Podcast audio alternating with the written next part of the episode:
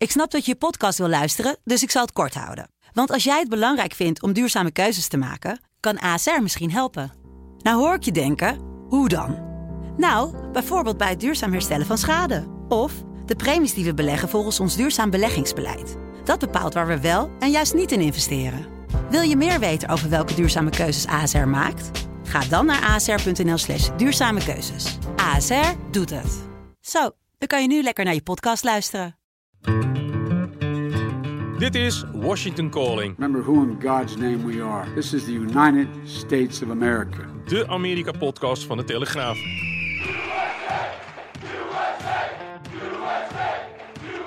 Met Paul Jansen, We are in a competition with the world, and I want America to win.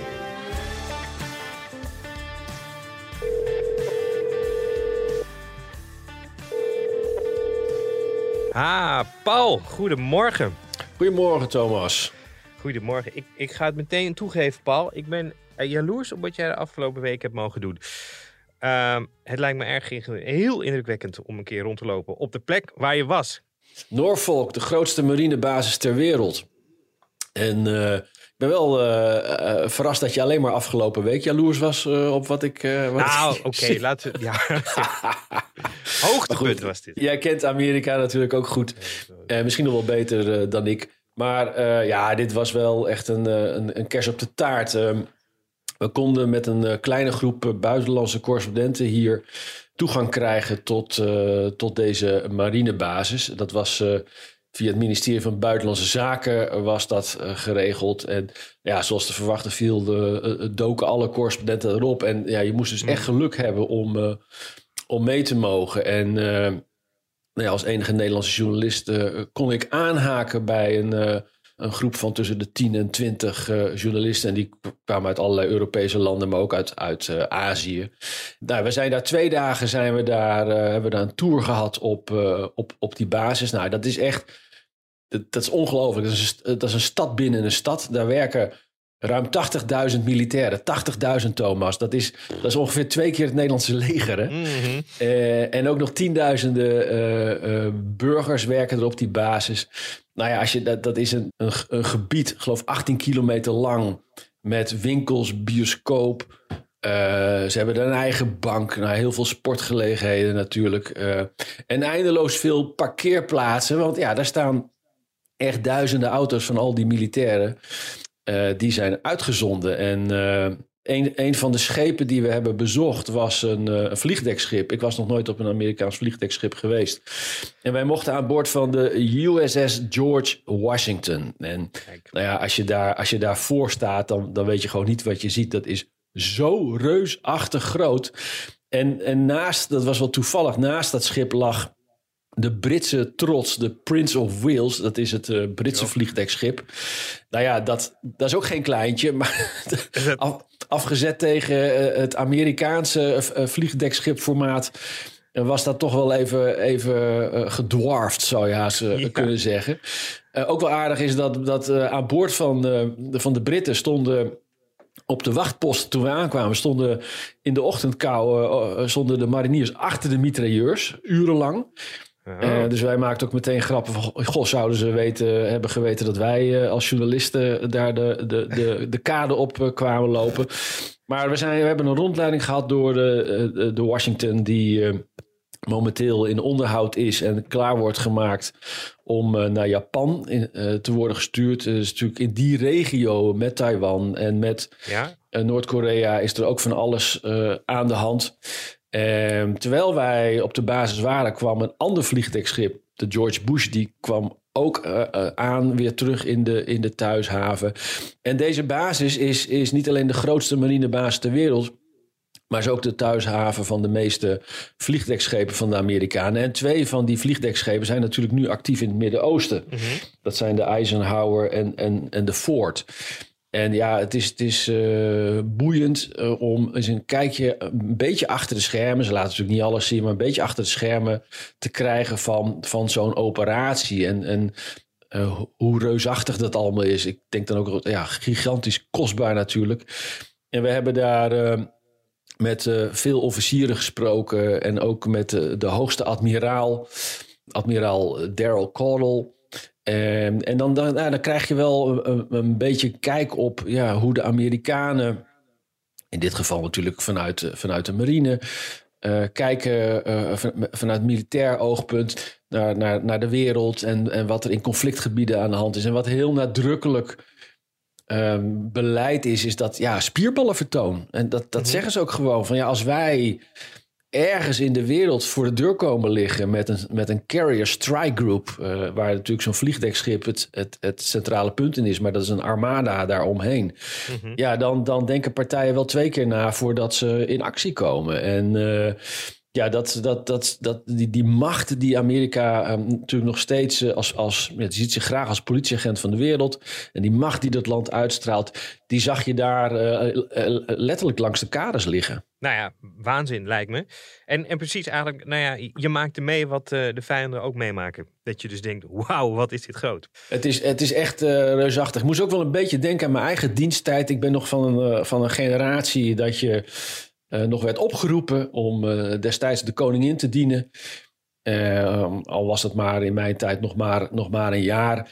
En ik vind zo'n, zo, dus ik heb veel kazernes gezien op oefening en ook in Duitsland geweest. En natuurlijk in Nederland op meerdere kazernes, opleiding en, en paraat geweest. En ja, zo'n militair gebied, ja, dat, dat, het, het straalt ergens toch ook wel een soort, ja, ik, een soort lamlendigheid uit, vind ik. Mm het is uh, ja, ook veel wachten, veel hangen. En ja. dat, dat, dat zag ik toch ook wel terug. En, en ook wel redelijk wat, wat gebouwen die gedateerd zijn. Um, nou ja, dat wilde ik vragen. Paul, is het, is het een beetje aangeharkt, om het maar zo te zeggen? Ziet het, ziet het eruit alsof er veel geld in gestopt wordt, behalve in de wapensystemen, maar ook in, in zo'n basis? Nou, ik vond, dat vond ik nog wel tegenvallen. Het is, uh, maar goed, dan moet ik zeggen, veel in, in, infrastructuur in Amerika, op de openbare weg ook. Dan denk je wel van, joh, zou, zou de boel niet eens opnieuw geasfalteerd moeten worden? Of, of hè? Dat is hier natuurlijk oud-president Trump heeft daar ook opmerkingen over gemaakt. Als je naar, naar een gemiddeld vliegveld gaat in Amerika en de terminals ziet, dat, uh, ziet dat toch wel uh, uh, enigszins gedateerd uit. Niet altijd, maar het is wel iets wat me is opgevallen. En dat op zo'n basis viel dat, viel dat ook wel op. Ik heb dat vroeger in Nederland ook gezien. Maar als ik, ik kwam ook wel eens op oefening, en heb ik het wel over de jaren negentig, kwam ik zo op oefening op Britse kazernes in Duitsland. Nou, die waren echt strak aangeharkt. En ik herinner me dat wij, wij waren daar met, met een IPR en panzerwagen. En, en die, die stond dan op de plaat. Dat is zeg maar zo'n betonnen parkeerplaats. Uh, de chauffeur van, van onze panzerwagen, ja, die kon er niet goed uitkomen. Dus die haalde toen in zijn hoofd om met die, met die rupsband eens even over het grasveld te, te akkeren van die Britten. Nou, dan, dan, heb je, dan heb je daar de pop aan het dansen, kan ik je vertellen. De, de Britten en hun gazon, hè, dat ma- ja. dat is, daar kan niks tussen komen. Ja, we hebben, we hebben, daar, we hebben daar toen tot, tot middernacht hebben we het, het Britse gazon met de voetjes staan al aanstampen. Ja. Om die tracks een beetje weer eruit te krijgen. Maar dat, dat oogde toch wel heel anders dan... Uh, dan bij de Amerikanen. En, uh, maar het is, kijk, het, het geld bij de Amerikanen zit, natuurlijk vooral in het materieel. Ja, precies. Dus, ze hebben elf, elf vliegdekschepen. Uh, en zes daarvan uh, komen uit Norfolk. Nou, dat, dat, die, die zijn niet alleen qua, qua om, om te laten bouwen. Uh, is dat natuurlijk echt, echt een miljardenoperatie. Maar ook om het operationeel te houden. Als je ziet Zeker. op die George Washington daar. daar daar liepen nu iets van 2500 uh, matrozen uh, rond. Maar op, op volle oorlogsterkte kan dat wel oplopen naar 6000 Jezus. man op zo'n op zo'n schip. Ja, alles is daar reusachtig. En uh, ik vond het, vond het buitengewoon indrukwekkend. Tja, nou, dat kan ik helemaal inkomen. Goed, dan over naar de orde van de dag. Want er is uiteraard weer genoeg te bespreken. zoals een opmerkelijke plot twist in de civiele fraudezaak tegen Donald Trump.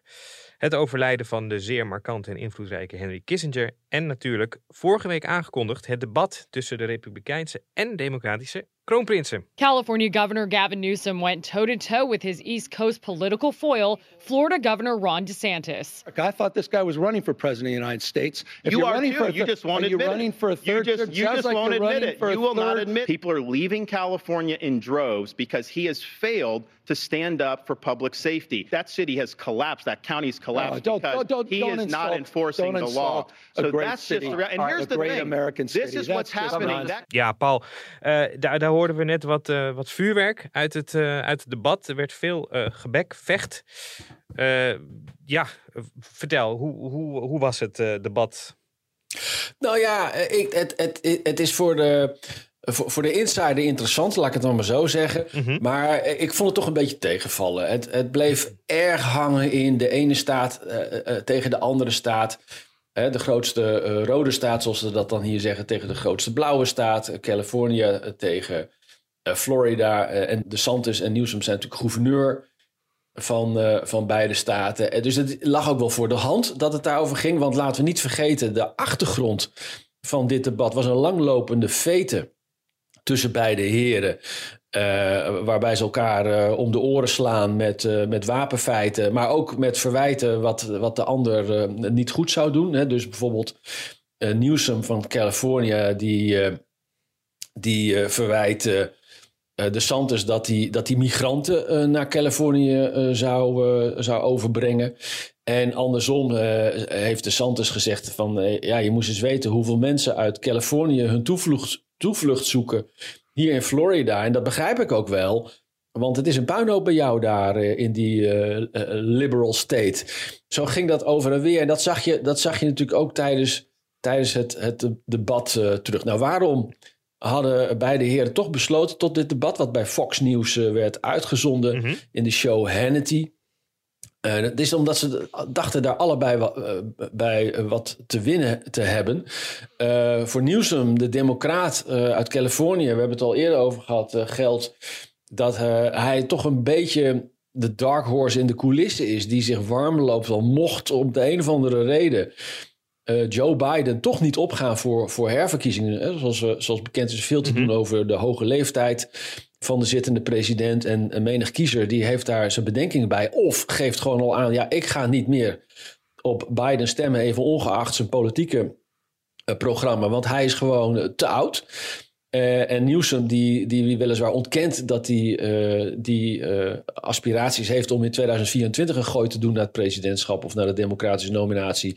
Ja, die ziet zo'n debat natuurlijk als een mooi moment om zich toch weer even in de spotlights ja te kunnen manifesteren. En aan de andere kant, de Santos, die natuurlijk een kandidaat is voor de Republikeinse nominatie. Ja, en in zijn campagne gaat het allemaal niet zo lekker. Hij staat uh, niet alleen op grote achterstand van uh, koploper Donald Trump.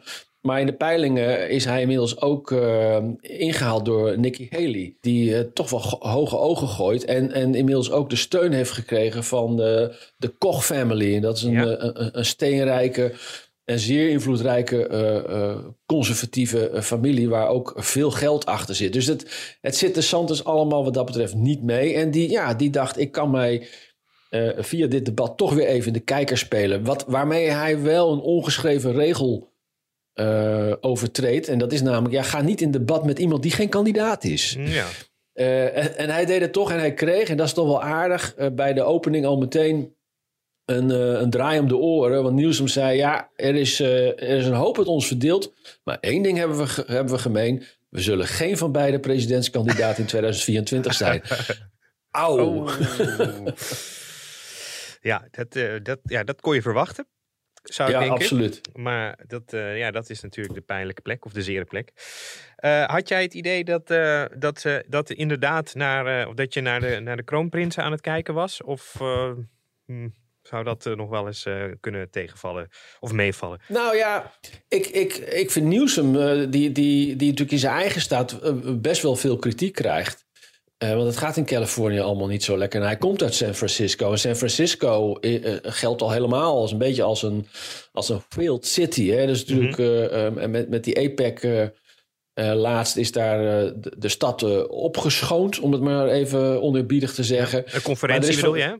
Ja, ja, de ja. conferentie van, van uh, Aziatische, Pacifische uh, leiders. Maar er is natuurlijk van alles mis, bestuurlijk en, en zeker qua openbare orde in, in die stad. En ja, daar is Newsom, die daar vroeger burgemeester was, ja, die heeft daar natuurlijk ook een, een rol in, in gespeeld. En als gouverneur krijgt hij, krijgt hij ook kritiek, omdat ja, in zijn staat vinden dat hij te veel met landelijke uh, zaken bezig is en te weinig oog heeft voor, uh, voor wat er allemaal uh, mis is in Californië. Ja, en aan de andere kant de Santis, ja, die. ik, ik vraag me af, ja, waarom blijft hij en hoe lang blijft hij nog in de race? Want je moet niet vergeten dat in Amerika zo'n, zo'n, de ambitie om, om een gooi te doen naar een, een, een nominatie is, is naast een, een slopende race, is het ook een peperdure race. Er, Ja. komt heel veel geld bij kijken. Dat is toch altijd wel, hè, wat, ik, wat ik net noemde over die, die, die Koch eh, family die, eh, eh, die dan Nikki Haley gaat steunen. Ja, de, de factor geld hier in de Amerikaanse politiek is natuurlijk wel bekend, maar het toch verbaast het hoe, hoe eh, belangrijk dat is. Dat trouwens wel, we hadden natuurlijk hebben al vaker over eh de DeSantis gehad. En dat was altijd een beetje de nummer twee achter, eh, achter Trump. En daar is dus toch een, eh, een, een kentering in gekomen dat hij dat dus niet meer is. Ja, maar ik zeg er wel bij, we hebben nog een klein jaar te gaan. Hè. Er kan nog steeds van alles gebeuren. Het is nog absoluut geen gelopen race. En, en je ziet wel al een aantal kandidaten eh, afvallen. De, de Santos die gooit denk ik nog niet de handdoek in de ring. En dat heeft ook alles te maken met dat, dat, dat voor hem dit niet alleen gaat over eh, de verkiezingen van komend jaar. Eh, waarbij eh, misschien ook nog wel rekening wordt gehouden of stiekem gehoopt dat Trump op de een of andere manier gedisqualificeerd wordt. Hoewel daar nu Mhm. juridisch eh, nog geen aanleiding toe is. Ehm, en het ook onduidelijk is of rechtszaken überhaupt voor de verkiezingen van komend jaar zullen, zullen in die strafzaken zullen zijn afgerond. Maar er, er, is, ja, er is nog, nog van alles mogelijk. Dus het is wikken en wegen van hoe lang blijf je, blijf je in de race. Maar met de peilingen zoals ze er nu voor staan, lijkt hij op dit moment kansloos. Nou, het is, eh, het is in ieder geval elke dag spannend, zou ik zo zeggen. Dan, eh, Paul, van het eh, heden naar het verleden. eh Henry Kissinger. Kissinger, ja. Ja, 100 jaar dat- joh. Jeetje 100 mina. jaar geworden. Ja, het was een buitengewoon bijzonder man. Ehm, Paul, kan je, kan je wat meer uitweiden over ehm, Kissinger? Ja, zeker. Het is ook, ook wel, wel een, een, nou, een idool, zou, gaat te ver. Maar het is wel iemand eh, waarvan ik eh, in, mijn, in mijn jeugd ook onder de indruk was. Was natuurlijk eh alom aanwezig op het internationale toneel in de, in de jaren zeventig. En eh, nou ja, om, hij, hij- hij was z- op zijn zacht gezegd omstreden. Ik zag hier de afgelopen dagen in de Amerikaanse media natuurlijk eh, heel veel eh necro's over hem eh, verschijnen. En die waren in, in, in veel media, en dat was ook wel natuurlijk de, de officiële reacties overal, eh, ja, wa- waren die eervol.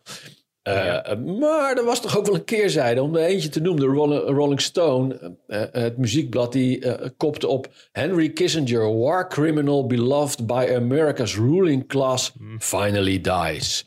Nou ja, dan heb je even, even de toon te pakken Ja. van hoe, hoe er hier ook over hem eh, bericht eh, is. En ja, dat heeft natuurlijk alles mee te maken dat Kissinger was de man van, van, de, van de realpolitiek, van, van politiek bedrijven op het internationale toneel zonder, zonder moraal en eh, zaken doen met foute, foute regimes en, en met foute genera generaals zoals in Chili. Eh, maar hij was ook de man eh, die achter besluiten zat, zoals het bombarderen van Cambodja. Ja. Dus hij, hij, was, hij was heel dubbel. Aan de ene kant gold hij als briljant. Hè, de, de, de shuttle di- diplomacy in, rond de Yom Kippur-oorlog. eh, de detente eh, met de toenmalige Sovjet-Unie. De opening naar China, niet te vergeten. En, en heel opmerkelijk is dat hij de voorbije eh, dagen ook vanuit Beijing is gelouterd door... Nou, heeft zij natuurlijk enigszins geholpen eh, op het wereldtoneel. Zeker. En ook, in, ook nog recent in de, in de, in de opening eh, tussen Xi en Biden heeft, eh, heeft Kissinger op hoge leeftijd ook nog een, een, een rol gespeeld. Maar het, op, Ah. het, toch, toch, het opmerkelijke, Thomas, blijft toch dat een aantal van die grote successen die hij heeft geboekt, die heeft hij eh, opmerkelijk genoeg niet geboekt als minister van Buitenlandse Zaken, maar als nationaal veiligheidsadviseur. Ja. Want de- nou dan moeten we even terug in de, in de tijd gaan. Maar toen, toen Nixon president werd, had hij een, een grote afkeer van eh, met, met name de State Department. Eh, vond dat daar allemaal maar liberals zaten. eh, vond dat we Vietnam verprutst hadden, waar natuurlijk Amerika in een bloedige oorlog verwikkeld eh, eh, was. Eh, Nixon heeft toen zijn buitenlandse beleid eigenlijk gebouwd om het State Department om. En dat is natuurlijk Dat is natuurlijk heel opmerkelijk. En hij heeft toen Kissinger, die op dat moment professor was aan Harvard, die heeft hij naar het Witte Huis gehaald en, en daar neergezet als National Security Advisor. En vanuit die rol heeft Kissinger ja, heel onconventioneel wegen bewandeld die, nou ja, zoals ik net beschreef, en, en niet allemaal even, even fris waren, maar wel heel succesvol voor een, voor een aanzienlijk deel. En er zijn nog maar, maar weinig mensen uh, die weten van wie was in die periode 69, 73 dan de minister van Buitenlandse Zaken van Amerika. Weet jij het nog? Nee. Nou, nou precies. ik, ben, ik moest het ook opzoeken. En dat is dus William, William Rogers. Maar dat zegt toch alles? Want Nou, iedereen en alle ogen waren gericht op, uh, op, op Kissinger. Het aardige daarvan is ook dat uh, niet alleen uh, in de politiek veel ogen op hem gericht waren, maar Kissinger omringde zich ook, wist je dat, met Hollywoodsterren. hij Het was een beetje een soort uh, rockster, was het. Ja, hij, hij, hij date Shirley MacLaine, Sasa Gabor en Raquel Welch. Als ik het goed uitspreek. Dus, en hij heeft er ook over gezegd van ja, ik was als kind al gefascineerd door, uh, door, door Hollywood en, en, en de filmsterren. Mm. En toen hij eenmaal uh, nationaal uh, veiligheidsadviseur werd, toen, ja, toen, toen, toen steeg zijn, zijn sterren ook enorm. En het aardige is, hij raakte in die jaren bevriend met een filmbaas van, van Paramount. En Paramount die produceerde de film The Godfather. En uh, bij de première van die legendarische film liet Marlon Brando verstek gaan. En toen heeft die filmbaas, die heeft Kissinger gebeld. En hem echt, echt gebedeld of hij alsjeblieft wilde komen op de Oh. première. Want hij, ja, hij moest toch wel iemand hebben waar hij mee aan kon, aan kon komen. En, Ja. en Kissinger was natuurlijk uh, de nauwe, nauwe uh, uh, bondgenoot, de man naast de Amerikaanse president. Dus daar, ja, daar vond die filmbaas, daar kon hij nog wel mee aankomen. En Kissinger die zei, ja, ik, die wilde eigenlijk niet, want uh, Noord- Noord-Vietnam was net met een offensief begonnen. Uh, het, het vredesoverleg in Parijs was, was gestrand. En hij zou, ik geloof één of twee dagen daarna, op geheime reis naar Moskou gaan. Maar hij heeft zich toch laten overhalen. En hij werd op die première de ster van de avond. En dat is toen ook in allerlei media zo beschreven. Dus dat, dat gaf een beetje, een beetje aan de, de, de, de, de glamour die toch ook rond Kissinger hing. Ja, maar dat is ook wel bijzonder, toch? Als je dan naar nu kijkt, die connectie tussen Hollywood. Dat wordt als een ontzettende linkse elitebubbel gezien. Dat, Ja. die, die dwepen helemaal niet meer met de rechtse politiek. Nee, over het nee. algemeen. Maar dat kon toen dus toch op een of andere manier nog wel. Ja, de, de, de polarisatie zat, zat er toen uh, heel uh, anders in elkaar. Want het, laten Ja. we niet vergeten dat. Uh, het is terecht dat je dat opmerkt. Dat die tijd, begin jaren 70, eind jaren 60. Was het ook maatschappelijk gezien een hele heftige, gepolariseerde tijd in, uh, in Amerika. Maar kennelijk was dat in, uh, in Hollywood geen probleem. Wel een aardige anekdote dat uh, Zaza Gabor heeft in haar memoirs beschreven dat zij op een gegeven moment wilde dat Kissinger langskwam. Um, want zij waren amoureus met elkaar um, Bezig. bezig, dank u wel. Je zegt het netjes. En dat Kissinger zei, ja, ik, ik kan niet komen, want morgen vallen we Cambodja aan. Oh, ja. En, en dat is, nou ja, die anekdote is dan wel alleraardigste hoe uh, Kissinger uh, eigenlijk een, een top secret uh, geheim ja. prijs geeft aan, aan deze filmster. Maar nou, hij was daar een, een, een graag geziene gast op de, op de rode loper. En ja, politieke macht uh, erotiseerde uh, kennelijk Ja. op de een of andere manier. Nou ja, dat was natuurlijk met, uh, met Kennedy ook natuurlijk al, al, al enigszins. Zeker, zeker. Maar die was president. Die was president, die was nog een stapje hoger. Ja, nou ja, en ook voor de mensen die zich nou afvragen... waarom was Kissinger dan nooit president geworden? Hij was in Duitsland geboren. En dan kan het niet. Goed, dan door naar een opmerkelijke plotwist in de zaak tegen Donald Trump. It was also a crucial day for Donald Trump's New York fraud trial, a trial that poses a lethal threat to his business. Because this was the day that the spotlight shifted to the real money behind his fortune. Former Deutsche Bank executive Rosemarie Varabalek, who we have never seen, we have never heard from, was on the witness stand. Paul, uh, daar moest de Deutsche Bank uh, ging getuigen. In de fraudezaak, de civiele fraudezaak die tegen Donald Trump dient in New York. en ik denk niet, dat ging niet helemaal volgens plan, denk ik. Nou ja, wel voor de verdediging. Hè? Want we zitten in deze civiele zaak nu in de week dat de verdediging getuigen mag oproepen. We hebben eerder gezien dat de aanklager dat mocht doen. En die, eh, ja, die heeft onder andere de, kinderen van Donald Trump laten getuigen. En, en Trump eh, is zelf ook aan bod gekomen. En nu mocht de verdediging getuigen oproepen. En die lieten de Deutsche Bank komen. En de Deutsche Bank is, is de bank waar Trump ja, dat was eigenlijk de, huis, de huisbankier, of is de huisbankier van, van Trump. Althans, voor dat deel van de activiteiten waar het in New York om te doen is. En waarvan de aanklager zegt dat Trump uh, frauduleus heeft gehandeld en, en de, uh, de waarde van zijn bezitten, bezittingen kunstmatig heeft opgekrikt om daarbij goedkopere leningen en verzekeringen te kunnen afsluiten. Nou, dan zou je dus verwachten dat die, uh, als de aanklager dat zegt, dat die bank, in dit geval Deutsche Bank, zich opgelicht zou voelen. Niets, ja. niets, niets, niets, niets van dat al. En dat was toch echt, echt wel verbazingwekkend. Um, Deutsche Bank die, die kwam in het getuigenbankje en die zei... ja, we, wij wilden dolgraag zaken doen met, uh, met Trump. De, de winst van die divisie uh, van Deutsche Bank... die steeg sinds uh, Trump daar, ik geloof in 2011... klant werd van, van een, een magere 13.000 naar 6 miljoen. Trump was namelijk niet alleen een belangrijke klant, maar die gaf ook weer toegang tot andere steenrijke klanten. En uit interne mhm. documenten die nu in die rechtszaak naar, eh, naar boven kwamen, bleek ook dat Deutsche Bank daar ook nog eens op aast. Dus ze waren dolblij met Trump. Nou, dan is natuurlijk de vraag, ja, maar uh, zijn ze dat nog steeds als ze weten dat Trump, althans volgens de rechter, want die heeft al over veroordeeld, frauduleus zijn vermogen heeft opgekrikt.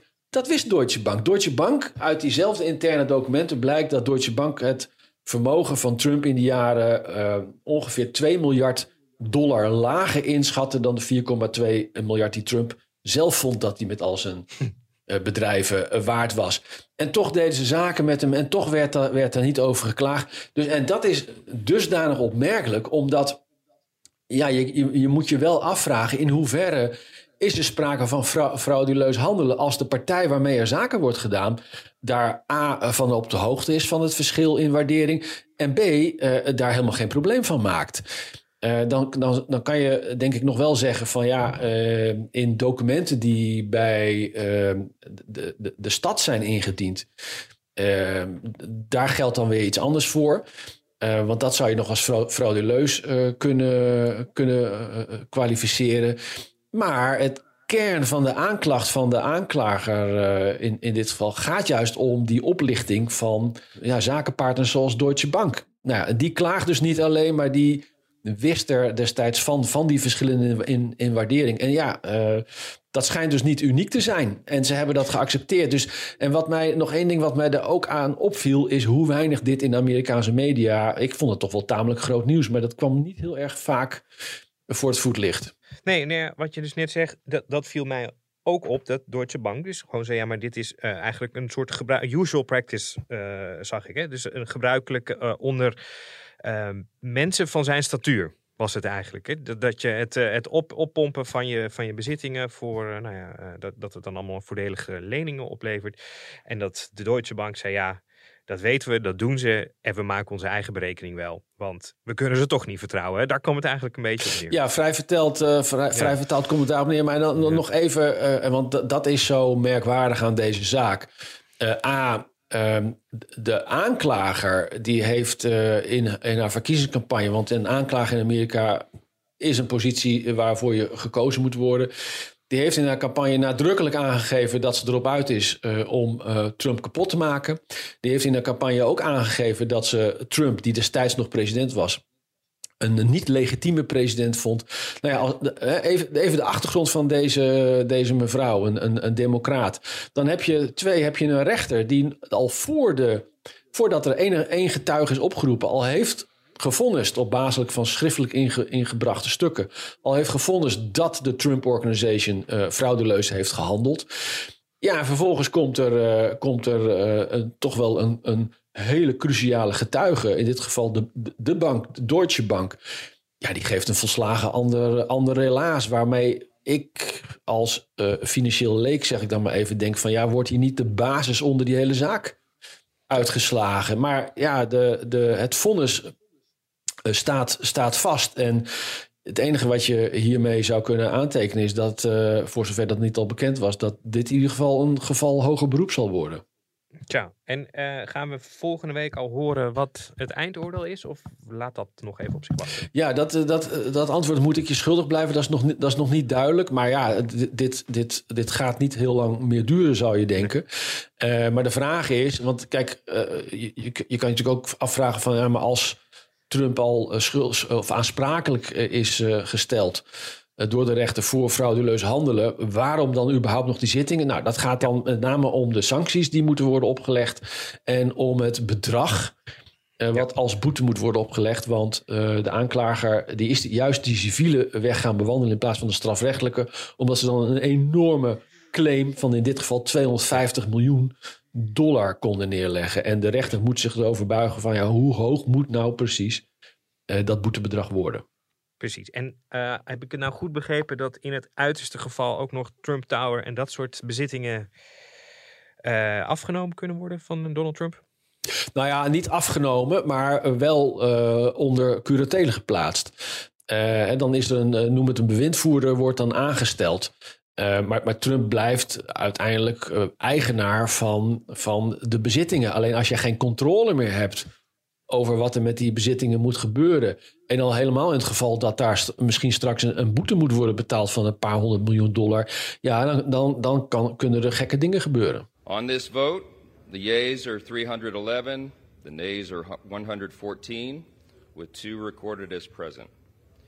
Two-thirds voting in the affirmative, the resolution is adopted, and a motion to reconsider is laid upon the table. Ja, en Paul, daar was de hamerslag van voorzitter Mike Johnson, huisvoorzitter Mike Johnson. Het doek is gevallen voor George Santos. Ja, dat kan je wel zeggen. Die heeft toch uh, met zijn uh, nagels lang geprobeerd zich vast te klampen aan, aan de macht. En uh, ja, dat is nu, nu, nu toch voorbij. wel aardig de afgelopen weken ging, ging Santos nog vol in de aanval, zoals hij eigenlijk de hele tijd heeft gedaan. Hè? Sinds uh, bekend werd, al, al tijdens zijn campagne, toen hij uh, aasde op die zetel in het Huis van Afgevaardigden. Toen werd tijdens zijn campagne werd al, uh, werd al duidelijk vorig jaar dat, dat, er toch wel wat uh, rafelrandjes aan deze Mhm. meneer zaten. en nou ja, wat heet rafelrandjes? Inmiddels weten we beter dat deze man blijkt een totale fantast. Die heeft uh, zijn, zijn hele cv aan elkaar gelogen. Van zijn Joodse afkomst tot zijn opleiding tot zijn vrijwilligerswerk. Het bleek, het bleek allemaal niet te bestaan. En ja, dat, kan je nog zeggen, dat is tot daaraan toe al heeft een politicus zonder geloofwaardigheids zonder geloofwaardigheid uh, weinig houdbaarheidswaarde. Maar in ieder geval, hij bleek ook, althans volgens justitie, zich schuldig te hebben gemaakt aan een reeks misdrijven. Onder andere identiteitsfraude en zo wordt hij beschuldigd van dat hij uh, geld zou hebben uh, gejat van donateurs door hun creditcardgegevens te, te gebruiken. Nou, dat is toch wel, dat is toch wel schaamteloos. Gewoon een ordinaire dief. Een ordinaire dief,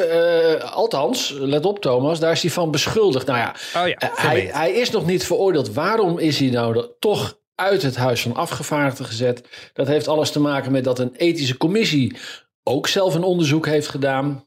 En die heeft uh, uh, onlangs uh, geoordeeld dat deze meneer toch ook wel allerlei regels heeft overtreden. En dat was aanleiding voor het Huis van Afgevaardigden om nu de derde maal in stemming te brengen. dat meneer George Santos niet langer op het plus thuis hoort. En ditmaal is dat met 311 tegen 114 stemmen aangenomen. En die verbanding die gaat per direct in.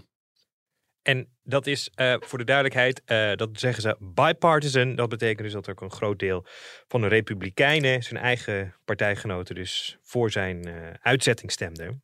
Ja, dat klopt. 100, 105 Republikeinen hebben ook gezegd: ja, nu is het wel, nu is het wel mooi geweest. Ja. Meneer Santos, daar is, is de uitgang van de deur en ophoepelen. Uh, toch heeft de, de, de Republikeinse leiding die heeft tegengestemd. En uh, dat is ook niet zonder reden, want Santos is uh, het, het zesde congreslid wat nu uit het parlement, het Amerikaanse parlement, is verwijderd. En drie eerdere gevallen, dat betrof congresleden die in de, tijd van de Amerikaanse bur burgeroorlog uh, deloyaal waren aan, aan de Unie. En twee andere meer recente verwijderingen hadden te maken met congresleden die waren veroordeeld in een federale rechtbank voor, voor misdrijf. Nou ja, het feit dat Santos weliswaar is beschuldigd, maar nog niet is veroordeeld, dat is nou exact het twistpunt geweest in het Huis van Afgevaardigden en zeker in de Republikeinse Partij. Van ja, moeten wij, moeten wij nou wel hiertoe overgaan? Dan lopen we dan niet voor de muziek uit? Is dat, is dat wel uh, uh, rechtsstatelijk in orde en uh, deugt het allemaal wel? Nou ja, de top van de Republikeinen vonden van niet. Santos heeft natuurlijk ook meteen geroepen dat dit een gevaarlijk precedent is. Mm. Uh, door hem nu te verwijderen. Maar hij heeft ook op Santosiaanse wijze. toen hij gevraagd werd, juist omdat hij nog niet veroordeeld is. of hij gebruik zou willen maken van zijn privileges als niet-lid. want die zijn er kennelijk in Amerika. Toen zei George Santos: uh, Waarom zou ik hier willen blijven? To hell with this place. Nou ja, dat is natuurlijk ook Santos ten voeten uit. Kijk, nou, dat hoofdstuk lijkt uh, nu dan definitief uh, afgesloten met deze markante en bijzondere politicus. Ja, wel, wel, wel politiek vooralsnog. maar er komt nog een strafzaak aan. En dat zou nog wel eens vuurwerk kunnen worden. En het zou zomaar kunnen dat deze, deze reizende ster binnen de Republikeinse partij met zijn 35 jaar inmiddels een vallende ster, dat hij natuurlijk achter de tralies eindigt. Dus ik denk dat wij nog wel gaan horen van meneer Santos, maar niet meer vanuit Huis van Afgevaardigden. Precies. Dus dan wordt het eigenlijk, deze muis krijgt nog een staartje. Yes. Um, in terms of the Secretary General, I'm not going to comment on internal deliberations of the alliance. I will, however, say that we have a great Secretary General right now. We are very um, pleased that Secretary General Stoltenberg agreed to extend his term. Paul, dan gaan we door naar het mediamoment van de week. En dat heeft een Nederlands tintje. Mark Rutte, eh, de missionair premier Mark Rutte, die heeft aangegeven zijn ambities te hebben bij de NAVO. Tegelijkertijd hadden wij een verkiezingsuitslag hier in Nederland die opmerkelijk was, laten we het zo zeggen. en dat is ook opgevallen bij de journalisten in Amerika. Ja, nogal. Um, er was, dat is al eerst een, een, een moment, daar hebben we het eerder over gehad, over de ceremonie met de, met de kalkoenen. Die gespaard uh, werden van de slacht uh, en door de president Biden gepardonneerd uh, werden. En nou, het, bij die ceremonie is ook altijd pers aanwezig. En toen, toen werd er ook de vraag gesteld of hij wilde reageren op de uitslag van de Nederlandse verkiezingen. Zeer opmerkelijk. Ja. Uh, van de, de Dutch Donald Trump, uh, zoals Geert Wilders hier ook wel wordt genoemd. Nou, Biden die, die ontweek dat. Die zei, ja, ik, daar, ik ben daar niet mee bezig. Ik ben bezig met mijn eigen verkiezing uh, die volgend jaar ehm, plaatsvindt. Zou hij, het zou hij het weten eigenlijk? Nou, dat betwijfel ik. Maar uh, ik weet het niet, joh. Ik kan me er zo alles bij voorstellen dat, dat dit niet alleen inhoudelijk een ontwijkend antwoord was, maar dat hij inderdaad misschien niet helemaal wist hoe het zat. Um, want zo belangrijk is Nederland nou ook weer niet voor, voor Amerika, als, al denken wij daar vaak zelf heel anders over. Maar goed, dat was, dat was één moment. En vervolgens was er later in de week, was natuurlijk was die, die NAVO-top van ministers van Buitenlandse Zaken in Brussel. En voorafgaand daaraan was er hier een, een persbriefing door de onderminister, minister O'Brien. Met, met de media en ook met de buitenlandse media hier in Amerika. En nou, wat mij wel opviel is dat daar ook gevraagd werd opnieuw nou, of de kansen voor uh, premier Rutte slinken door die PVV-zegen. En uh, ook of uh, O'Brien even wilde reageren op die, op die verkiezingsuitslag. Nou ja, zoals je, zoals je kon verwachten, uh, van, van iemand met, met ervaring. Uh, werd er ontwijkend op gereageerd. Mm -hmm. En ze zei: ja, Ik ga niet reageren op beraadslagingen die er zouden kunnen zijn. Uh, en dan volgden er wat algemeenheden van uh, uh, we zien Nederland als een, een, loyale bondgenoot en we zien ernaar uit om met een nieuwe regering te, te gaan werken. en O'Brien die had wel echt verstand van zaken, want die zei ook van ja, in Nederland is bekend dat coalitievorming wel enige tijd kan duren oh. en de uitkomst ja. daarvan, ja, die staat ook niet zomaar vast. En dat klopt natuurlijk ook. En, goed, goed gebriefd. Ja, want die, die, daar, daar gingen natuurlijk een aantal journalisten wel aan voorbij. Het feit dat de PVV de verkiezingen uh, wint, uh, maakt weliswaar de kans groot dat de PVV gaat regeren. Maar het is niet per definitie een uitgemaakte zaak. Nee. En uh, wij herinneren ons allemaal nog wel ooit de grote verkiezingszegen die Joop den Uyl in de jaren zeventig haalde. En toen ook dacht Herinner van, ik nou, me iets minder. ja, dank u wel. Ik uh, voel me weer oud. Maar, uh, maar goed, uh, uh, Den dacht op te gaan voor, voor het kabinet Den 2. En toen kwam daar natuurlijk die, die actie van Van Acht en Hans Wiegel, een jonge Hans Wiegel, in de Bistroket in Den Haag. Ja. uh, met die befaamde foto waar onze onder een scheperlamp ken ik wel, ja. Uh, zitten te smoesen. En daar werd ja. dus het kabinet, het kabinet Den 2 uit voortgekomen. Maar daar werd het kabinet Van Acht 1 gesmeed. En het wil alleen maar aangeven, je kan de verkiezingen winnen. de kans is groot dat je dan ook een kabinet mag leiden. Maar het is niet per definitie zo. En ja, hoe dat in de Nederlandse politiek werkt, dat was hier niet overal even goed bekend, zal ik maar zeggen. Ja, nou, interessant dat is die les dan toch uh, vanuit uh, iemand van het State Department uh, kwam. Nou ja, het is, het is, kijk, het is vooral interessant omdat je, je ziet dat het in ieder geval, in dit geval via journalisten, maar het, het wordt wel aangekaart, het wordt daar op de radar gezet, maar, maar het, het wordt daarmee ook een ding. Ja, want dat, het is hier nu een paar keer teruggekomen. En zoals jij aangeeft, ik kan me dat ook wel alles voor voorstellen dat Biden uh, denkt: uh, Nederlandse verkiezingen, hoe zit het ook alweer? Uh, maar zoiets kan een eigen dynamiek krijgen op het moment dat media er steeds vragen over gaan, gaan mm -hmm. stellen. Maar ik zit nou een beetje doorspeculeren dat deze uh, onderminister ervan wist. Zou misschien ook kunnen betekenen dat hij ook wel wat meer interesse in Nederland heeft om Mark Rutte en de NAVO-plannen wellicht ja, maar hij gaat over Europa. Dus dat, dat uh, O'Brien, O'Brien moet er ook wat van weten. En ze hebben niet, ze hebben niet voor niets uh, ambassades die dit natuurlijk allemaal brieven. En uh, dan is het natuurlijk wel het zaak dat als zo'n briefing van de ambassade aankomt op State Department, dat dat ook op, op het bureau belandt van de onderminister. Maar nogmaals, deze onderminister heeft Europa in zijn portefeuille. Dus het zou voor hem wel vreemd zijn geweest als hij niet wist wat er gaande ja. was. Gelukkig, dat werkt in ieder geval naar behoren. Oké, we zijn aan het eind, uh, Paul. Uh, volgende week, waar, uh, waar gaan we op letten? Wat ga jij doen? Ja, ik, uh, ik vlieg weer uit dit weekend, in dit geval naar Arizona. Want daar begint uh, komende maandag een economische missie van uh, Nederland, samen met Vlaanderen trouwens in dit geval. En premier Rutte die, die leidt die missie. Het, het gaat allereerst naar Phoenix en daarna naar Californië, naar San Francisco, waar we het eerder over hadden. Um, en met een, een, een, flinke missie uit de halfgeleidersindustrie. En dat maakt het natuurlijk wel extra interessant, omdat die chipsector is een, uh, is, uh, ja, een politiek uh, gevoelige sector.